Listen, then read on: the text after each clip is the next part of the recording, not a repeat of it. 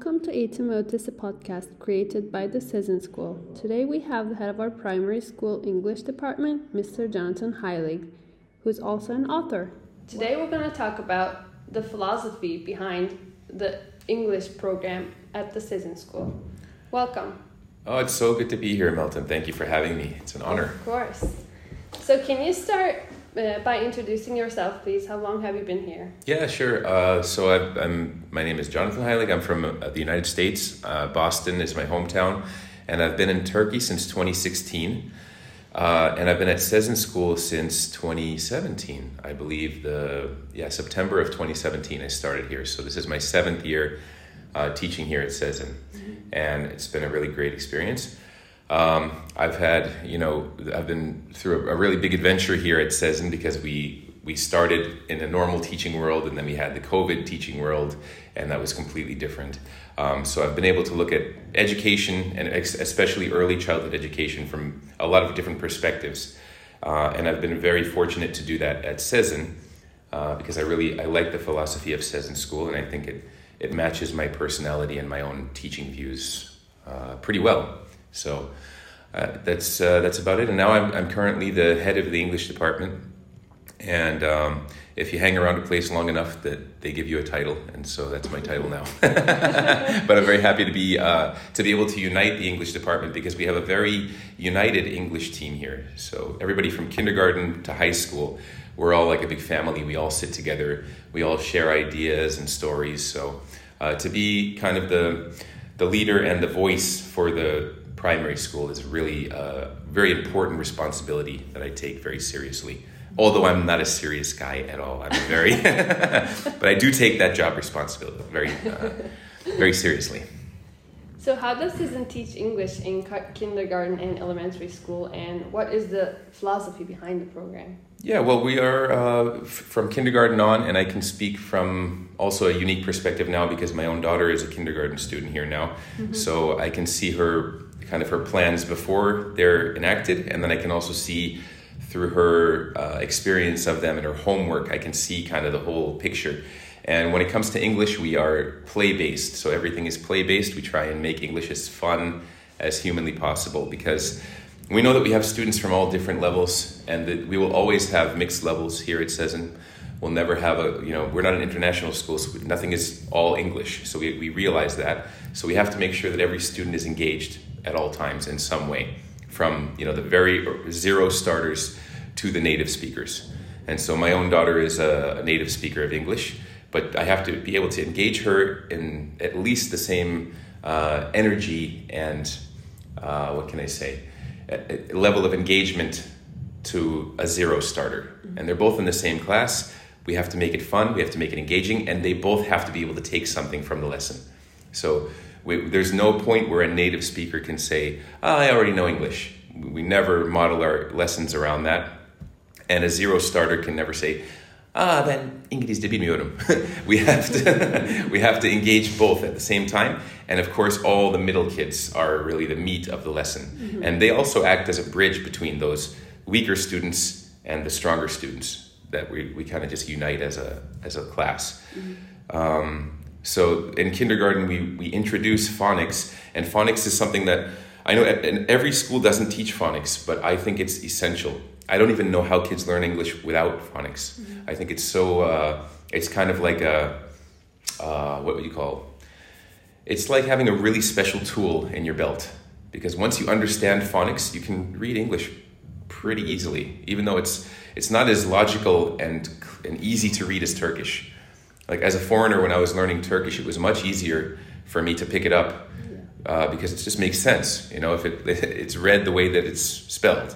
English is not like that. It's a old language that pulls words from different, you know, Romance languages and Latin, and it's just a lot of it doesn't make sense until you grasp phonics. And so for kindergarten, we we let kids experience phonics without any pressure, like zero stress, in a really fun way. And we do that by introducing the first five sounds of phonics, which are, I'll say the letters S A T I P N, uh, I P N. Satipin. Mm-hmm. And once you get those, the rest kind of just falls together. So, for example, like if they learn, usually the S sound is the first one they they learn. Uh, we always have them design a snake, and so the snake, even the snake's sound is. So they, that's the first one that catches their attention. Oh, this makes sense. It's a snake. He makes that sound. What other you know words begin with this sound? And we do that in so many different ways. Games, uh, smartboard activities, jumping through hoops, literally like jumping through hula hoops and catching sounds. Um, so I think for a kindergarten student, I, I feel really confident in having a native speaker child that she's getting just as much from the lesson as a zero starter. I don't have any kind of qualms like, well, my daughter is already quite advanced and she isn't engaged in the lesson. I never have that feeling. I always feel like, oh, she's having just as much fun, learning just as much as um, the, the weaker children who are. And when I say weaker, I just mean a lot of these kids don't have exposure to English. They don't have, you know, anybody at home who speaks. Uh, so that's really the, the kindergarten from my current perspective. And also our philosophy is fun. We have to have uh, the kids have to love their teacher. They have to they have to learn that English is not scary. It's not something that uh, that it's not like a lesson where they're pressured and oh how do you not know this? We never present it in that light. It's always a fun, useful tool that they can use then to communicate with other people. That's the aim anyway. So hopefully that makes sense. It does, yes. Are there any other examples that you can give me about the phonics um, classes that you do? Yeah, sure. Um, so we use a program called Jolly Phonics, and Jolly Phonics has been around for a long time, and they recently updated their kind of digital platform. And Jolly Phonics is great because it it it kind of uh, approaches these sounds from many different angles. So you'll see the sound, how it looks. Uh, you'll be invited to trace it, and we we always have this thing where we, we say we the kids put their finger up in the air, and we say, all right, magic uh, magic marker is up in the air. All right, let's give it a kiss. Here we go. now, now put it up. Now we're gonna make the s, s sound, and you just draw a big s in the air, so they get the concept. And once they have that concept of the shape, we invite them to come up to the board. And uh, Jolly Phonics offers like little tracing elements. So then they would trace it on the board, uh, and then so that's kind of the introduction to the the, vision, the actual letter, which we don't call letters when we're teaching phonics. We don't call it a letter.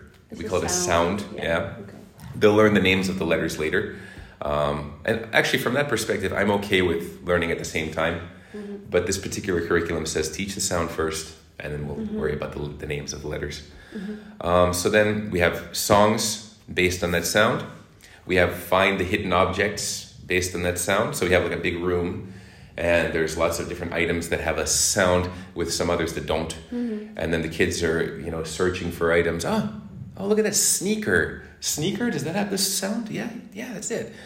Um, and then from there, it just goes on and on. We just kind of engulf them with that sound mm-hmm. for like a week. so they're just like surrounded by. S- and we tell them, you know, go out when you're with mom and dad, go out and look for sounds. And they always come back the next day and they're like, I found it, I found it. Sausage, sausage is a sound, right? and I'm like, you got it. So, so that's kind of the that's the introduction to phonics, and they don't really know it as like phonics, the you know the teaching style or the teaching method. They Yeah. just know it as oh, this is English. sounds. This is English. Yeah, English lessons are fun, and it tends to work. And how about like the harder sounds, like especially for Turkish kids, S like the S sound, Yeah. have the same sound in Turkish as well, Right, so right. maybe that's easier. Oh, but yeah. How about like the THs Yeah, yeah. Th is always the tough one for Turkish kids, and that comes later. So we don't even Okay. Mm-hmm. we don't even worry about that until first grade. Um, once we get those first five kind of down, then they understand the the method. They understand what to expect, and then usually when we do introduce those uh, combined sounds or double consonants, they're already prepared and they just accept it. Okay. they don't question. They're like, well, wait a minute, that's a t and that's a h. Why isn't it t? They never they never approach it that way. They see it as a single sound. So they're like, oh, th- th," and then they love sticking their tongues out because Yeah. they don't get to do that in Turkish. they never get to stick their tongues out in the Turkish language, so they're always like, th- th- th- th- th." and sometimes they forget to take it back in. So, what kind of other activities do you uh, incorporate in the program? Oh well, we have we have a big emphasis at Sezin on portfolio projects, and portfolio projects are really a great way to kind of uh, encapsulate everything we learn throughout the year. So when a parent comes at the end of the year and they see this portfolio presentation, they're getting like a one single meal mm-hmm. of the entire year's worth of, of education for yeah. English, and it's really fun. And we do that in a variety of ways. Uh, for example, we might have if we learned about clothing throughout the year we might tie the lesson on clothing together with the lesson on weather. And then the kids can say, Oh, mom and dad, it's cold outside. What should we wear today? So we're combining two elements. Mm. Oh, we should wear our coat. And then they might take one of the coats that they made that year mm. and put it up on a, a clothing wire. and they say, Mom, it's, uh, oh, it's hot. It's summer now. What should I wear? Hmm, maybe my sandals and they could clip those up. Mm-hmm. So it's presentation based uh, and gamified kind of activities. Mm-hmm. And so the portfolios are very big here, and they do it all throughout primary. So introducing the portfolio concept in kindergarten is really important for us so that they're ready for it in, in the years to come. Mm-hmm. So, uh, and of course, everything ties in together. So, whatever they learn in kindergarten, we hope to build on. And by the time they come to, if they're lucky enough to go to, you know, Sezin in kindergarten and lead into first grade, they're, they're very equipped they don't come in lost. They don't mm-hmm. come in, you know, struggling. They, they should come in, oh, I understand how this works. Uh, we're going to do some phonics. And then that goes to first grade. So first grade is where, really where phonics becomes the central focus mm-hmm. of everything. They've been introduced in kindergarten. Now first grade is like all phonics. We, we continue throughout the whole year. So that's, uh, and that's really where the development for reading is kind of essential because mm-hmm. um, you know, we have some kids who come into second grade from schools who didn't have phonics and they struggle. Mm-hmm. They absolutely struggle. So uh, I think the kids are really lucky to have the phonics program the way that it is currently. Mm-hmm. And, and I think one of the most like fun weeks uh, at the school is English week. Oh yeah, yeah. We that's kind of. That's just as fun for the teachers as it is for the kids, and especially with me around, because I love I love English Week, even though it's like a really busy, tiring, exhausting week. Yes. It's fun. It's yes. really fun. And uh, and this year we we were we implemented some new ideas. We had a karaoke uh, yes. session at every lunch break, uh, every lunch uh, what do you call recess. Mm-hmm Look, I have to even struggle to find the word recess. I've been calling it teneffüs for so long.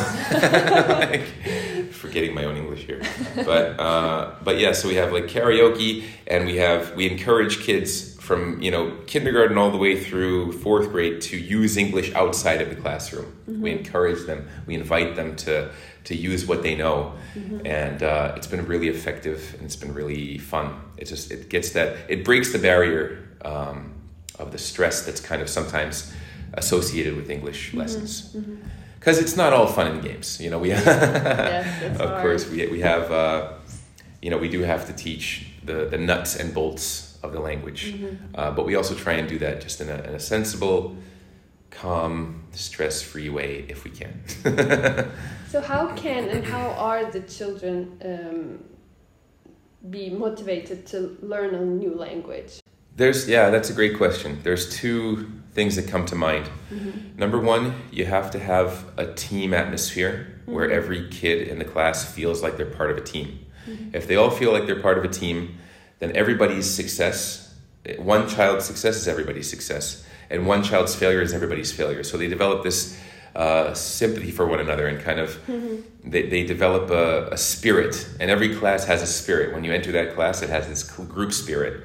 So when when you foster that, and you hope to do that early in the year through you know games that teach them the rules in English and games that teach them um, what's appropriate for class, what's not, mm-hmm. um, and you do that hopefully through fun stuff, through you know chanting and singing and dancing. That's essential, and then also you have to be a mini psychologist. You have to know every kid mm-hmm. personally and once you once you develop a, a, personal relationship with every child you can learn that you know while you're t- while you're speaking to the group yes you're a team. But when you're speaking to Joe and Susie and Bill and Tom, now you have four different universes that you're approaching from, and one method will not work for the next kid. You know, a more a sterner approach might work, and that might be what Joe needs, but Yeah. uh, a softer approach might be what Susie needs, and so you have to kind of know your students very well. And we're lucky that we usually get to know our students very well because we're we, we teach a lot of quite a lot of lessons. We see them in the break time constantly. Um, the kids are always interacting with us. Me personally, I have children hanging from my limbs at all times. Yeah, like there's always one, at least three or four kids surrounding me like like the moons of a planet. Like they're just hanging on me, asking me questions, pulling me in this direction and that direction. That's great. That's what you have to do. You have to kind of throw yourself into this world. Let them pull from you. They're they're looking to you for for everything, for guidance, for inspiration, for comfort, for companionship, for leadership.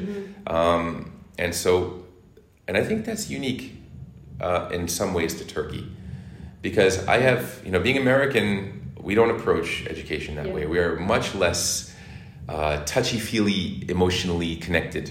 We're much, we're far removed from that. And teaching in Asia, which I did for one year before coming here in Hong Kong, they're completely removed from that.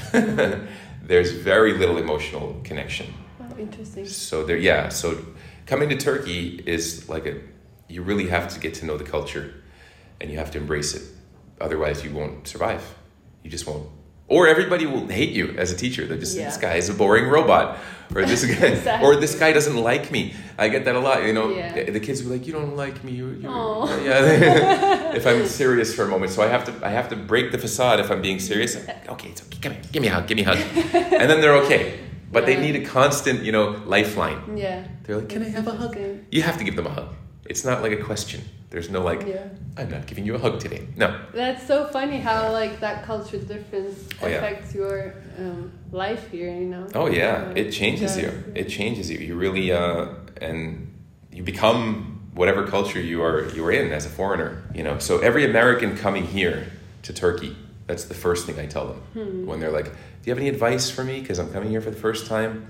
I always say, "Whatever you thought was teaching." Throw it out the window. Here's how it is here. You're joining a family. School is your home. Your classroom is your mini family, and they all love you and adore you. You're the hero, You're the hero, and you will be hugging them. and you have to. You must, or you gotta go.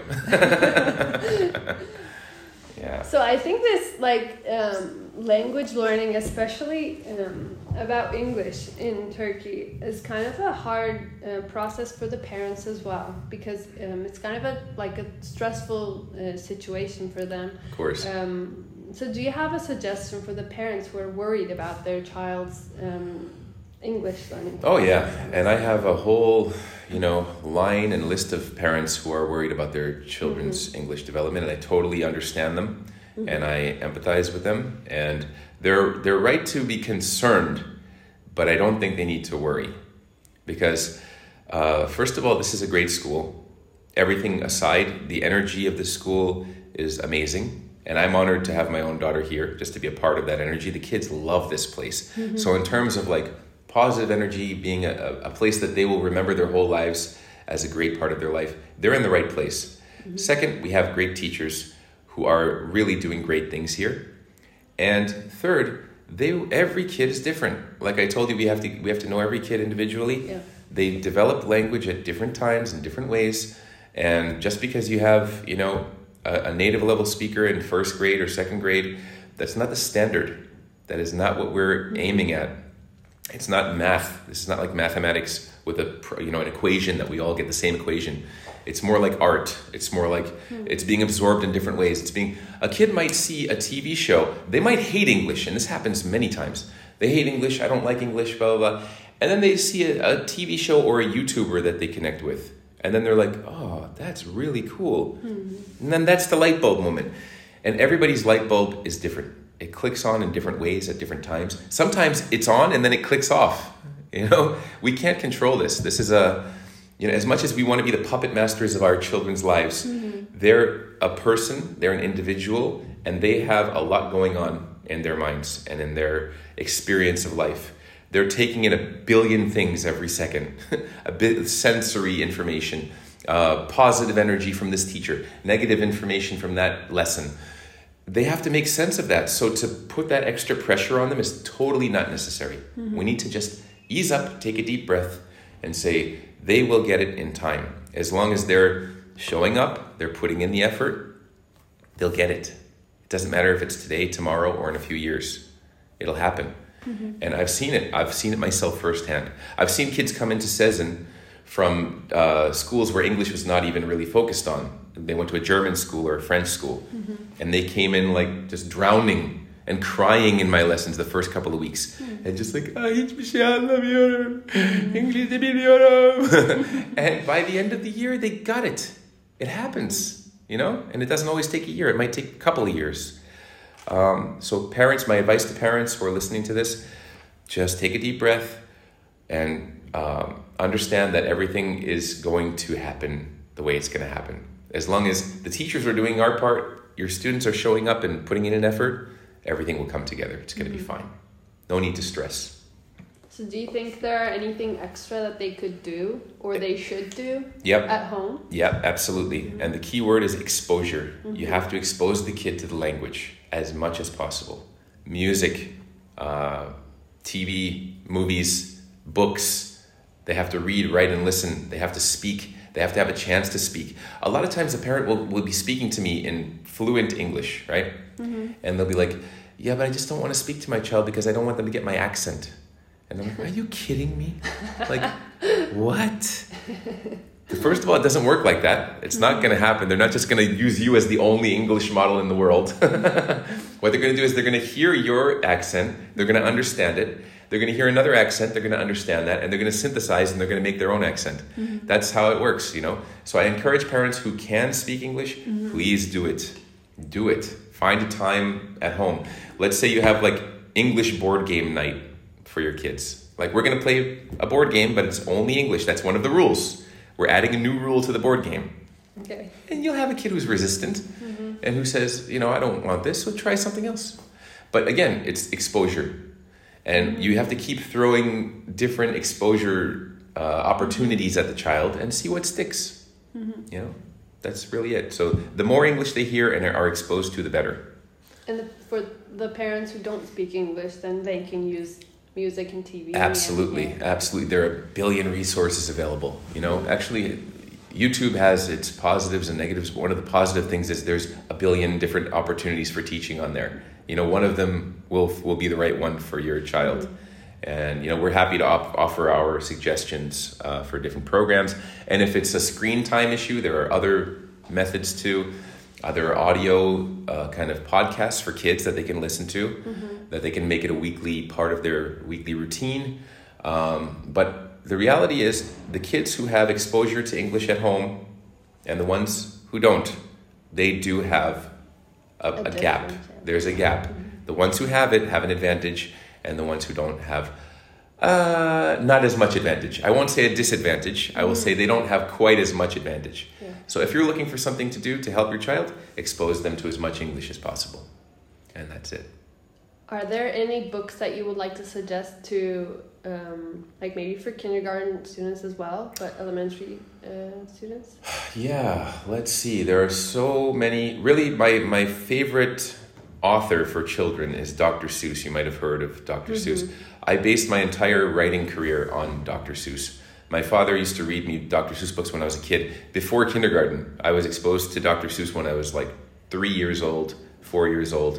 Um, and it's rhythmic, it's rhyming, and it's rhythmic uh, prose. So it's poetry also, but it's kind of uh, it's getting it's a fun, playful use of English.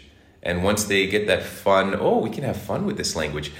Sometimes he uses words that are not real, but he makes a word and it mm-hmm. makes sense to the kid. It's just like, oh, that makes sense. I get it. That sounds English. Yeah, so anything from Dr. Seuss, I highly recommend. Mm-hmm. Um, and there are so many different. Real, what one thing I would recommend is just find a topic that your child is into, that is interested in. Mm-hmm. If you have a child who's into ballet, find a ballet series. If you have a child who's into football, find a football series. Approach them based on their interests. It has to be based on their interests, lay a few things out for them and let them decide. Let them guide that element of their learning. Mm-hmm. If you're like, even what I just said about Dr. Seuss, if you put Dr. Seuss in front of the child and he's like, he doesn't, he or she doesn't respond, then try something else. You know, there's a, a million classics, there are a million new authors who have, you know, fantastic ideas. And just one thing to keep in mind for parents is that a children's book author is basically a poet in the modern day. You cannot make a career out of poetry anymore. Nobody buys poetry books unless you're an academic, you know, if you're studying mm-hmm. poetry. You don't go to, hmm, I think I want to buy a book of poems. now you buy a children's book. That's what poetry is in the modern era. Mm-hmm. And combining it with illustrations and poetry is just a brilliant way to teach young children. Mm-hmm. It's kind of, it just makes perfect sense. So find a picture book series that your child likes and let them enjoy, let them have fun. Don't make it a if you're reading the book with them, don't say, How do you not know this word? You're supposed to learn this word last week with your teacher. Come on. And then make a phone call. Why, is, why doesn't my child know this word? this is the wrong approach to English. It, we have to make it uh, enjoyable, like an art, like learning a, an instrument or painting. When we do it that way, everybody's happy, in my opinion. My last question is a personal question. Sure. Can you tell us um, the story of Story Garden? Oh yeah, yeah. The story of Story Garden. Uh, Story Garden is our family bookstore and cafe, and it was uh, it was the brainchild of my family because we were so we have a very close family here in Turkey, and I've been a part of this family for going on 19 years. Um, I entered my wife's family uh, even before we were married because they accepted me as a part of the family, and um, so I've, we're very tight and very close, and we all live close together. And so, um, in my wife's family's home, there was a nail salon mm-hmm. in the bottom of the store, and they left. They decided to leave and move move somewhere else, and there was a vacant spot. And so my father-in-law was kind of struggling, and he was saying, "Well, we have to find somebody to take the spot. We have to find somebody to take the spot." And we were all sitting around in breakfast one day, and we said, "Why do we have to find somebody when we are somebody's?" and so we literally got a chalkboard and we started writing down ideas. Just right there in breakfast, we had a, like a kid's chalkboard. And we started writing down ideas. What can we put there? Hmm, how about a cafe? That's cool. How about a daycare? Maybe. How about a bookstore? That's good. How about like a, a bookstore cafe? Hmm. What if we had like workshops there? Ah, bookstore cafe workshop. We had the concept. Mm-hmm. Then we needed a name. So just like that, we took a survey right there at breakfast. Oh, come up with your top five names. So we all wrote down names that we were, you know, thinking of. Almost all of them were Turkish names. My, I'm taking credit here. My suggestion for a name, Story Garden, was the only English option that we had, mm-hmm. and it made it through the, the cut. So we eliminated a few, we eliminated a few, but Story Garden always hung on. And so by the time we got to Story Garden, we all just looked at each other and we're like, okay, this place is called Story Garden. so, so that's kind of the brain, how it was brought to life. Mm-hmm. And uh, we opened in the pandemic, in the summer of the pandemic, which was not the best time to open. But four years later, we're still here and we're going strong. And uh, it's really the biggest blessing to have children grow up, my two daughters, to have them grow up in that place. Mm-hmm. You cannot imagine a better childhood for a child what a great place to be surrounded by books and uh, workshops and people who are just, you know, they're full of love. It's like a love filled place. You feel it when you go, you know? So that's really the story. Um, I'm there almost every day after school. I help them put the tables in at night, and, you know, I'm always there. So that's uh, and everybody listening, you're invited to come. I would love you to to join us at Story Garden. And you mind if I do a little plug? Um, I also have a YouTube channel it's called American Turk, but I have a new show. And the new show is called Eyes on Mr. Jon.